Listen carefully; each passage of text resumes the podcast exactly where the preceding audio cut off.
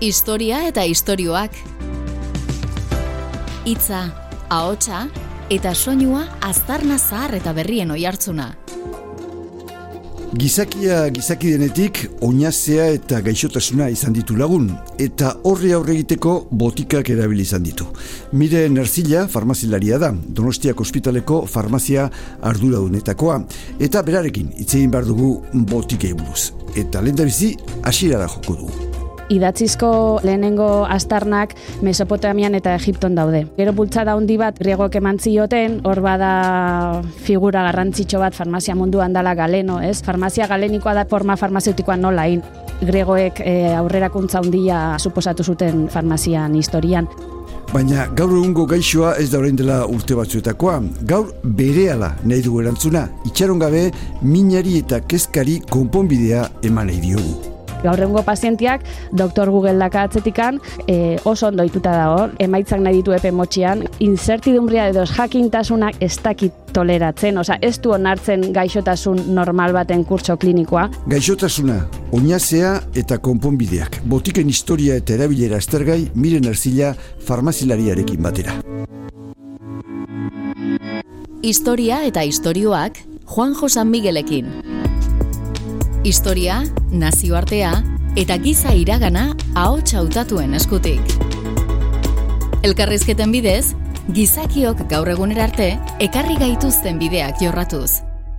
Miren Erzila, farmazilaria da, Donostiak ospitaleko farmazian lan egiten du, farmaziako ba, ardura honetako bat da, eta bertan erabiltzen diren botika askotasko bere, bere eskuetatik pasatzen dira. Miren, zemuz, keixo? Bai, ondo. Ondo esan berko? Ba, botikoi buruz e, itzin behar dugu. E, hospitaleko farmazia ardura dunetako bastea, esan dugu, hor lan egiten duzula, botika edo medikamentua esaten dugunean zertaz ari gara.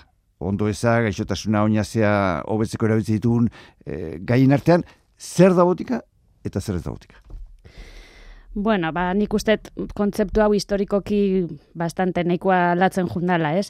Baina gaur, gaur egun e, definizio hori, ba, pixkat legiak, legiak esatit, esateigu, ez? E, legiak argi eta garbi esate du e, botika zer dan. E, orduan, gizakietan erabiltzean botika, da e, sustantzia medizinal bat, non daka ekintza e, e, preventibo bat, edo sendatzeko gaitasuna dakana, ez? Eta ez hori bakarrik, beste botikan mota batzu daude, adibidez, diagnostikorako erabiltze dian botikake, barruan, definizio horren barruan e, sartze dira, bai? Eta gero pixkat, e, beste talde batean, e, zailkatze ditu legiak, ba, noski, e, alberentzako erabiltze dian botikak, baina gero beste berezi batzuk esango dugu, ez? Ba, botika homeopatikoak, e, landaretatik datosten e, botika konkretu batzuk. Ze gai ez egin da dagoen garrantzitsua da, botika zer dan ez da zer ez definitzeko ala ez, ez duze e, Gaur egun legian barruan pixkat markatze duna botika izan ala ez, da, e, da, da on informazio kopurua eta ikerketan sakontasuna, ez? Hau da, efikazia eta segurtasunan arteko balantza horrek, ez? Orokorrian, e, dozein sustantzia medizinalak ez baldin badu demostratzen, ba, en, oreka hori egokia dala, inoiz ez da legarki hartuko botika bezala, ez? En, eta ordun ba, hori adibidez, en, landaren arloan oso nabarmena da, legalki daude definituta landare batzuk, e, legiak ofizialki en, botikatzat en, konsideratzeitunak, baina beste asko ez, ez? Eta, hoi da. Eta gero daude beste botika mota batzuk, ba, agian en, entzule guai, ba, izaunak ite tzaizkiona, baina radiofarmakoak, e, gaz medizinalak, e, gero botikan, ez dakit inoiz tokatuko zitzai zuen botikari batek ba, formula magistral bat eitia. Ba, Guzti hortaz gero geritzen behar du, baina bai. lehen da gaiak ez duela zehikusik, eta azkenean gehiago da, probatzen dana, ze efekto duen, eta horren arabera bate edo beste, ez, gutxi bera. Hoi da, azken finean, e, botikak e, legalki zeo ze segurua izan behar du, ez? Eta ordun en, botikatzat en, konsideratzen dira, ba, e, zendatu edo egoera, osasun egoera bat, hobetuko dun zerbait, arrisku onargarri batekin. Mhm. Eta hori, bazken ba, finan, e, ikerketa mm, maila eta ikerketen sakontasunak emango du pixkat legalki definizio hori, ez? Mhm. Aurreko batean e, medikuntzaren historiaz e, genuen elkarrezketa bat, eta, e, bueno, orduan esaten genuen, medikuntza gizakia bezain zarra dela, ez da? Baina botika, noiztik erabiltzen ditu botikak, edo zeintzu iralin da biziko botikak? Ba, historikoki ja idatzizko e, lehenengo astarnak Mesopotamian eta Egipton daude, bai? Mhm. Eta garai hartan, ba, pixka denetik erabiltze zuten, e, bai landare jatorrizkoak, bai animalian jatorrizkoak, eta bai mineralen jatorrizkoak. Eta, bueno, gero bultza da hundi bat, e, griegok eman zioten, hor bada figura garrantzitxo bat farmazia munduan dala galeno, ez? Mm Farmazia galenikoa da pixkat zientzia, e, ba, pixkat arauak esate dituna, e, forma farmazeutikoa nola in, ez? Ba, e, pilulak, e, kremak, ez? E, gregoek e, aurrerakuntza hundia e, suposatu zuten e, farmazian historian. Eta, bueno, egia zan, e, historian en zibilizazio askotan medikuntza eta farmazia hasiera batian oso lotuta bai, edontzian bai, bai, normala dan bezala, bai.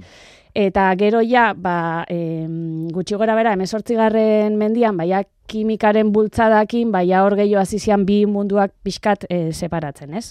Lehen gai, gai buruz e, galtu dizudanean, askotan e, botikak kimikakin lotzen ditugu. Bai, bai. Horre, ordura, gauza da, naturala, lizatekena nola esateko, eta bestetik kimika, eta igual pixkator aldaketa bat egon daiteke edo.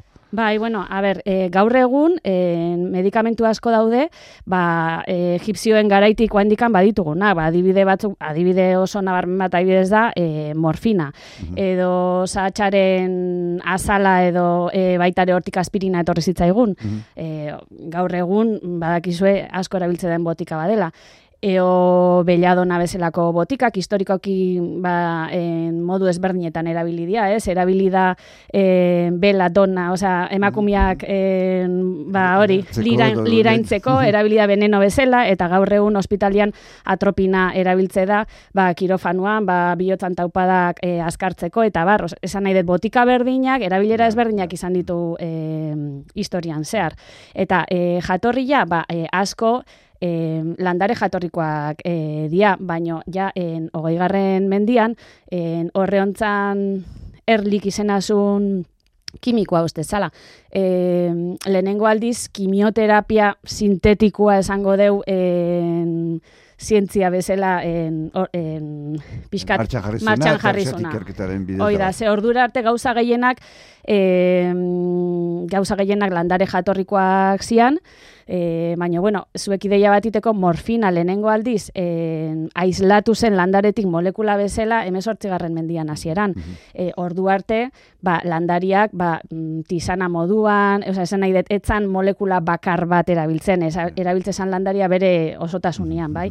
Eta egia da, ba, gaur egun ditugun e, botika asko, ba, landare jatorrikoa diala hasiera baten landare jatorrikoak zian, baina orain e, lortzeko modu aldatu inda, ba, eta bai, adibidez aspirina orain entzun detenagatik e, ez da e, zahatxetik lortzen, osea, sortzea petroleotik esate bateako, ordun hor aldatzen junda e, bueno, petrolean deribatu batetik esango dugu.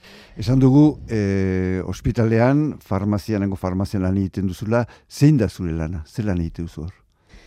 Bueno, e, lehenengo pixkat irudikatzeko ez, esan e, gure ospitala oso ondia da, bai? Donostia ospitalia oso ondia da, eta e, jakin, badibez gure farmaziak mila metro karratu baino gehiago ditu oso ondila da. Eta bertan gaude farmazilari asko, baina baitare tekniko asko, erizainak, zeladoriak eta bar. Honekin esan nahi dut, ba, guru plantilan amasei farmazilari gea, eta ordun gure funtzioak, ba, egia esan, desente espezializatuta daude, bai? Ordun dago farmazilari bat onkologia arloan jardute duna, e, beste farmazilari bat, ba, farmakoteknia edo farmakoak elaboratzen, o, bueno, egiten e, jardute duna, e, beste batzuk elikadura artifizialian, Eta ni nabarmen e, guztiz nao zentratuta e, antibiotikoetan eta gaixotasun infekziosotan. Bai, nire eguneroko lana azken finean da e, ospitaleko beste e, zerbitzuko medikuekin batez ere, bani egunero eten naiz infektologokin, mikrobiologokin, eta en, ospitalian erabiltze dian antibiotikoen inguruan erabakiak e, hartzaitugu. E, gure helburua da, e, lehenengo helburua da, infekzioanak ondo e, tratatzia eta efikazak izatia tratamenduak, baina baita da elbu, e, ospitala babestia ba, flora egoki bat e, mantentzeko, ez? Hau da, e, zaiatzea antibiotiko egokiak erabiltzen, baina ez e, askotan e, esate da e, kainoiak iniltzen ditu gaeltsuak, ez? Mm. Moskasa kainonazo, zer dira esate dana. Bai, oida, zaiatzea e, oso zehatzak izaten eta e, benetan pazienteak berdun antibiotikoak e, erabiltzen, ge, gehiagitasunik gabe. Mm. Bai? Ez dakit esplikatu nahi zen pixka. Bai, bai, bai, bai. zehaztasuna, ze askotan erabiltzen ditu botikak eh, amplio espektro esaten da gaztelera. Oida, espektro bueno, zabala. Oida, bai. ez da mate duzu, ta, baina, bueno, ze, geota zehatzago, ba, geota e, e, kalte gutxi ingo ditu, eta... Bai, eta hori oso garrantzitsua da, ze bueno, antibiotikoak oso botika mota berezia dira. Ze eragina dute e, gure buruan gan, baino baita ere gizartean gan. Eta hori ez da beste medikamentu mota batzukin gertatzen. Historia eta istorioak. Aintzinakoak gogoratu eta gaurkotuz. Medikoak aipatu dituzu, beti pentsatzen dugu, bueno, medikoak azkenean, ba, aztertzen duela gaixoa edo, edo min hartu duena, eta pixkat, berak erabakitzen duela, eta gero zuek zatu zela. Zein da zuek eta medikoen arteko harremana? Bueno, e, baita ere esango nizuke arlo ezberdinetan, farmazilarian arlo ezberdinetan pixkat ezberdina dela, baina mm. Eh, esango dizut gure harremana geo, geo eta senduagoa dela eta geo eta sakonagoa dela. Esango dugu, garai batean, noen dela urte desente, farmazilaria mediku bat entzat ospitalian zan, ba, botikak banatze zituna eta botikak lortze zituna, eta augusti zaldatu da. Osa, gu gaude ja e, integratuta lantalde mordo, mordo daude, gaixotasun ezberdinan inguruak erabakiak e, hartzen dituen lantalde ezberdinak daude eta gehienetan e, bertan gaude ordun medikuakin batea harreman estu bat dakau e, tratamenduan inguruan erabakiak hartzeko garaian. Mm. Bai. Eta galdera honekin lotuta, e, ben baino gehiagotan esan da, bagit, honekin pixkat agian e, e, azartu ingo zela, baina esan da, farmazietako, farmazilariak, ba, saltzaile utza diela, ezta? Osea, bakarri ba saldu egiten dutela.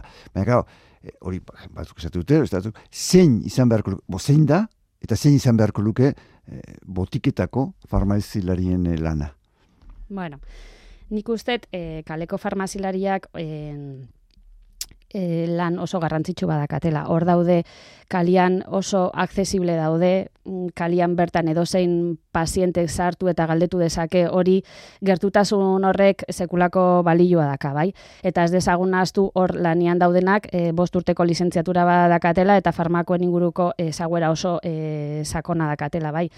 Bai gertatu da pixkat, batez ere hogei garren e, mendian erditik aurrea tokatu zaie pixkat e, gizartian adaptatzea, ez? Hau da, hogei garren mendian hasieran e, botikak laborategiak zian, ez? E, industria farmazeutikoa etzeon e, garatuta eta botikaria zan, ba, botikak ite zituna, analiziak ite zituna, oza, botikak gehiago zian laborategi bat, bai? Oen jasotzen dituzten medikamentuak egina daude. Orduan, adaptatu izan, be, izan behar dute, e, adaptatu estatu india ba pixkat osasun en, agente bezala, ez? Hau da, herritarran aholkularitzan, osasun kanpainetan, arreta farmazeutikoa egiten, badia botika de xente ja patologian ardura hartze dutena eta pazientian jarraipena egite dutena eta beraz osasun emaitzan ardura hartze dute medikoakin batea eta bueno, ba, leku guzitan bezala, ba, e, farmazilari batzuk gehiago ite dute beste, beste baino, hori bai, beti gertatze da. E, nik impresio dut, e,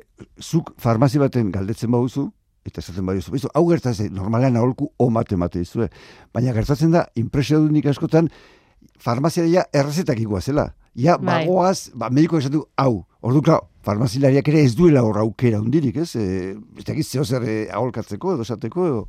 Bai, baina badu ikuspegi bat, esan nahi dut, beak e, osotasunean ikusiko du tratamendua gai izango da e, farmakoak interakzionatze baldin badute, ba, agian hori detektatzeko, eta gaur egun, egia esan behar da, presbidekin, presbide derrezeta elektronikoa da, e, farmazilariak e, akzesua daka ordenagailuan bitartez e, e, pazientearen tratamendu e, osoa medikoakin konpartitze du, bai? Eta, bueno, eta farmazilari bezala esan behar dut, e, medikoak mm, akatsak itituzte laguk mm, egunero mm. hori ospitalian ikuste dugu, eta kalian berdin gertatze da. Eta horregatik daude da, gaude danon artean, ba, en, osasun arreta egoki bat emateko, nik ustet komplementatu ite behala. Mm Gaur egun e, farmazia edo botika konsumoa oso handia da. Horreko batean irakurtzen estadistika bat, e, Estatu Espainiarrean e, biztan lehen erdia gutxinez egunero botikaren bat hartzen du. Bai, Zeati, da. Zeati da hori. Bueno, ba, nik uste faktore asko daudela, bai e, jende askok e, industria leporatze dio e, ba horren ardura ez, horren kulpa. Eta, bueno, arrazoi pixkatetzaio falta, baino ez da arrazoi bakar, bakarra ez da gutxia goike e, industriak normala dan bezala behakite ditun botikak e, sartzen zaiatze da. Eta medikoaren atzetik dabil eta farmazilarian atzetik dabil bere molekula o bere botika ezagustarazteko, bai.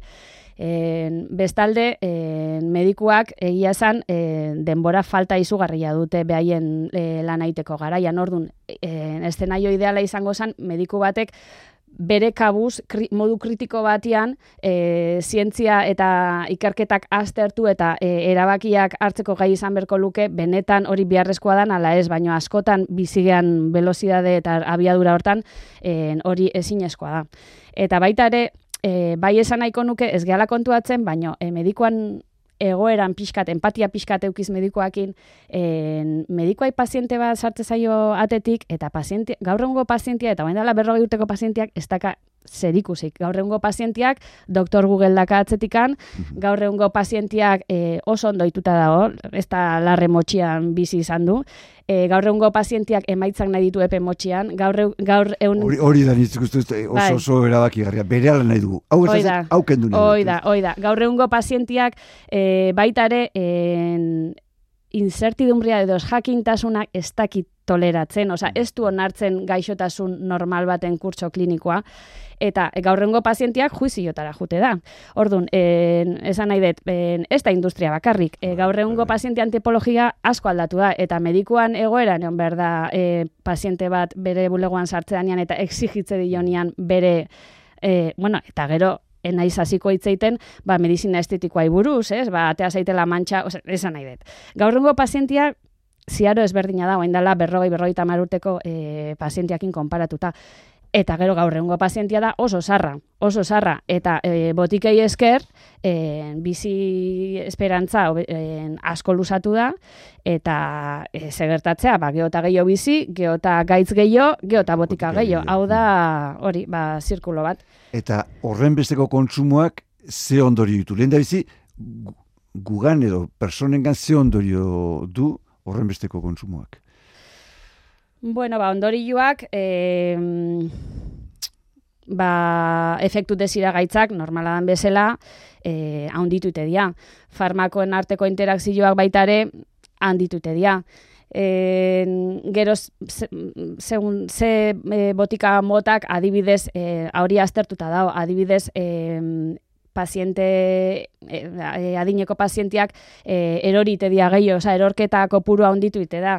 Zergati baita ere gertatze da, urteak betetzen digun einean gure fisiologia aldatzen jute da. Eta ordun ba, e, gure giltzurrona ez da berdina, gure nerviosistema ez, ez da berdina, ordun farmakoak gure duten eragina e, dosi bajuagotan askoz handiagoa da. Eta hori elkartze baldin badeu, ba, mm, ba, persona adindun batek, ba, mabi botika ditula, mm. ba, karo, danak elkartze dia elkarrekin, eta eta efektu oso txarrak sortarazi ditzazkete botika horiek.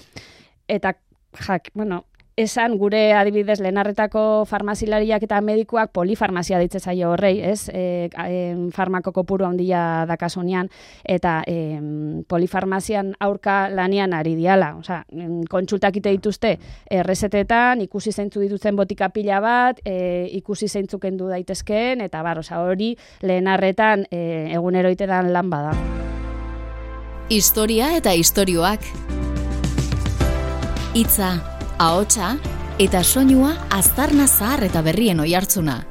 Esan dugu gugan e, konsumo izugarriak, baina ingurumenean ere badu, aste honetan, e, joan zen astean, ikerketa baten berri zabaldu da, eta bestea beste esate zuen, praktikate munduko e, ur guztietan, hau da, itxasoan, lakuetan, errekate ibaietan, botika astarnak zeudela. Hori? Bai, e, bueno, ez, dak, ez dakit ikerketa horren berri, baino seguru nago egila dala.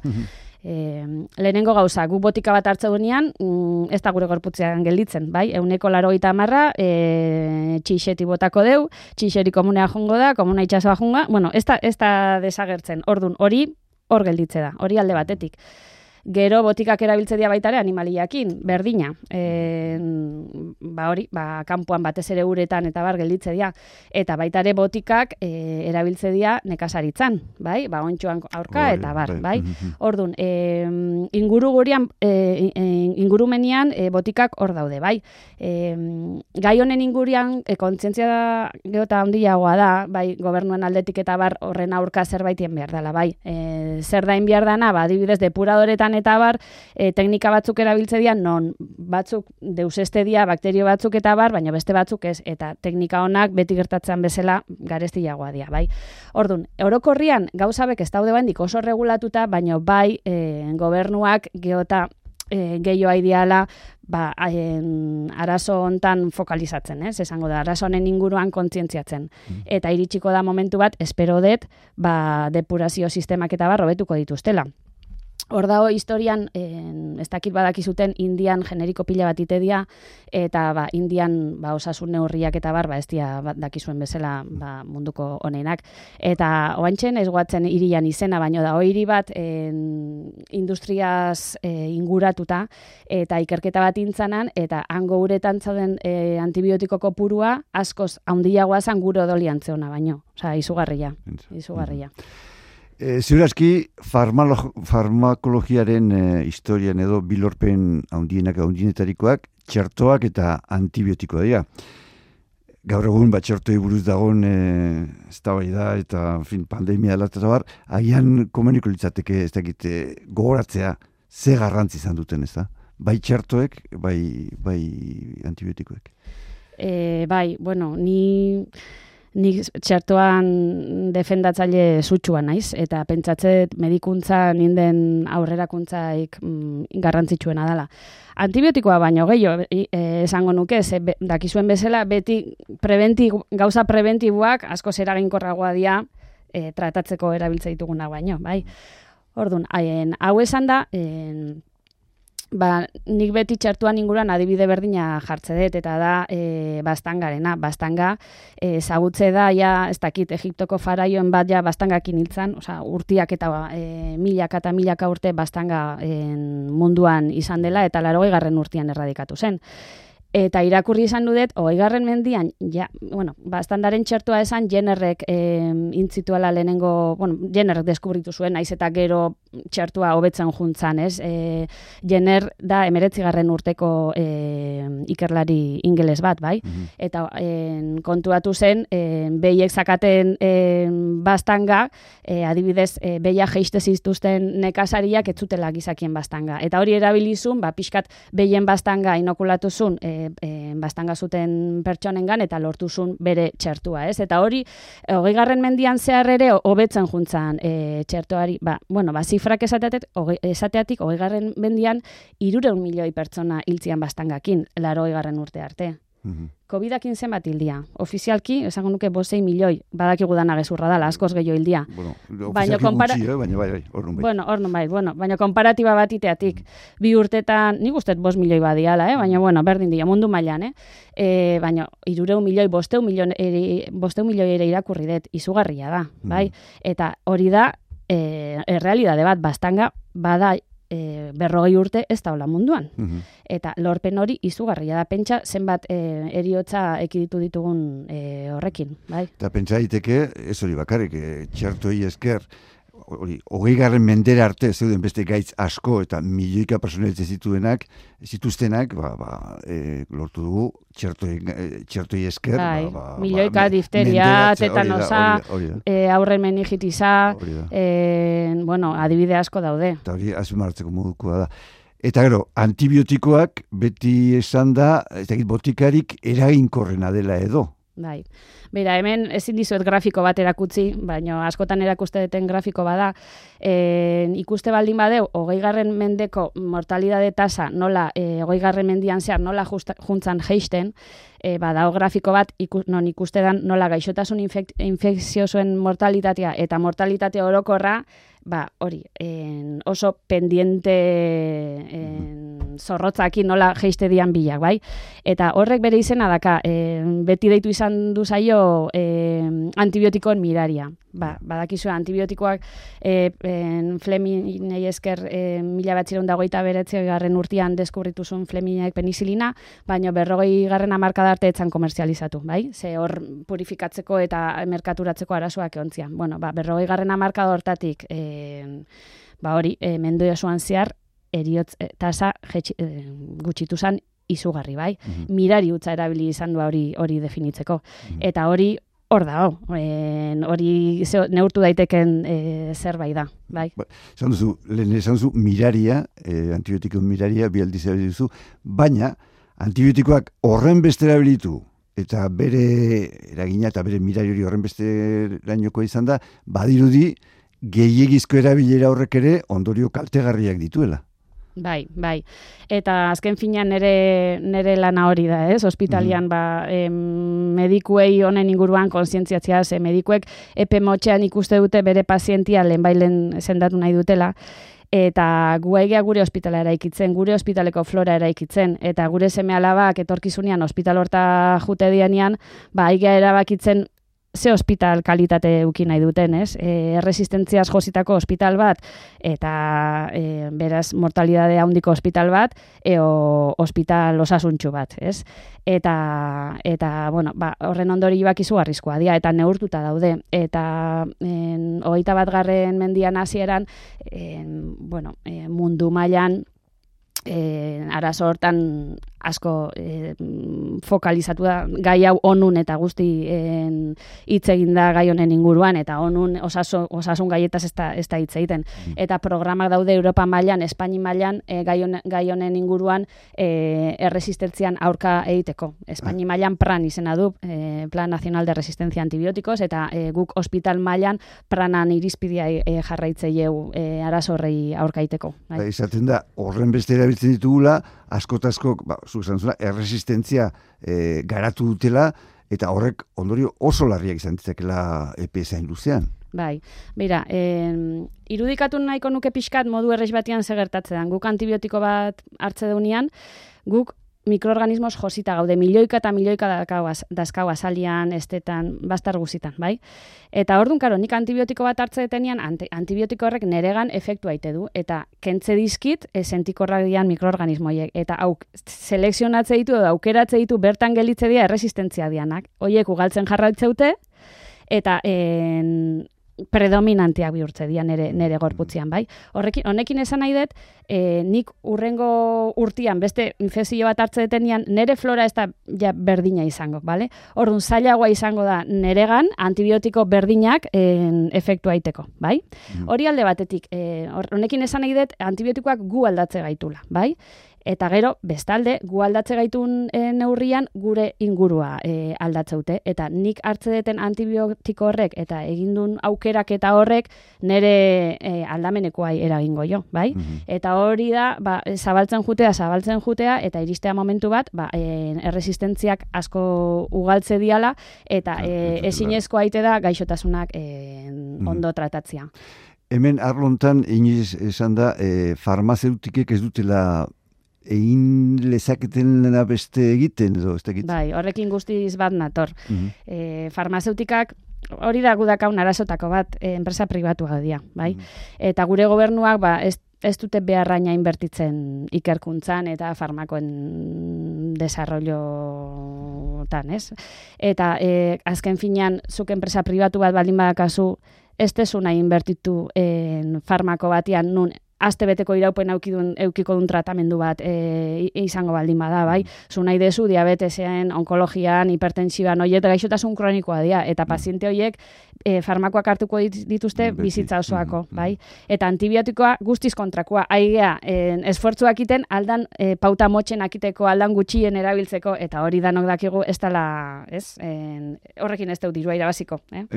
Horri, hori eta farmazitukin lepoatu zei baita, e, ikerketak eta eta bizkat alegin egitea herrialde aberatzen alde, nola izateko, ze irugarren munduan edo e, gizatalde behartzuenek behar dituztenak lortzeko badutela ikertzen, ez? Hori lepoetu izan zaie. Bai, bai, bueno, nik egia esan ez dakiz zertan geldituan, baina karrera neonetikan entzun den malarian aurkako txertua eta patarroion historin berri, eta nik dakitela hoendik ez da, ez da atera, eta e, dala hogei urte ateratzea, zeo, nik horrez dakit e, gertatu da, baina olako hainbat eta hainbat adibide daude.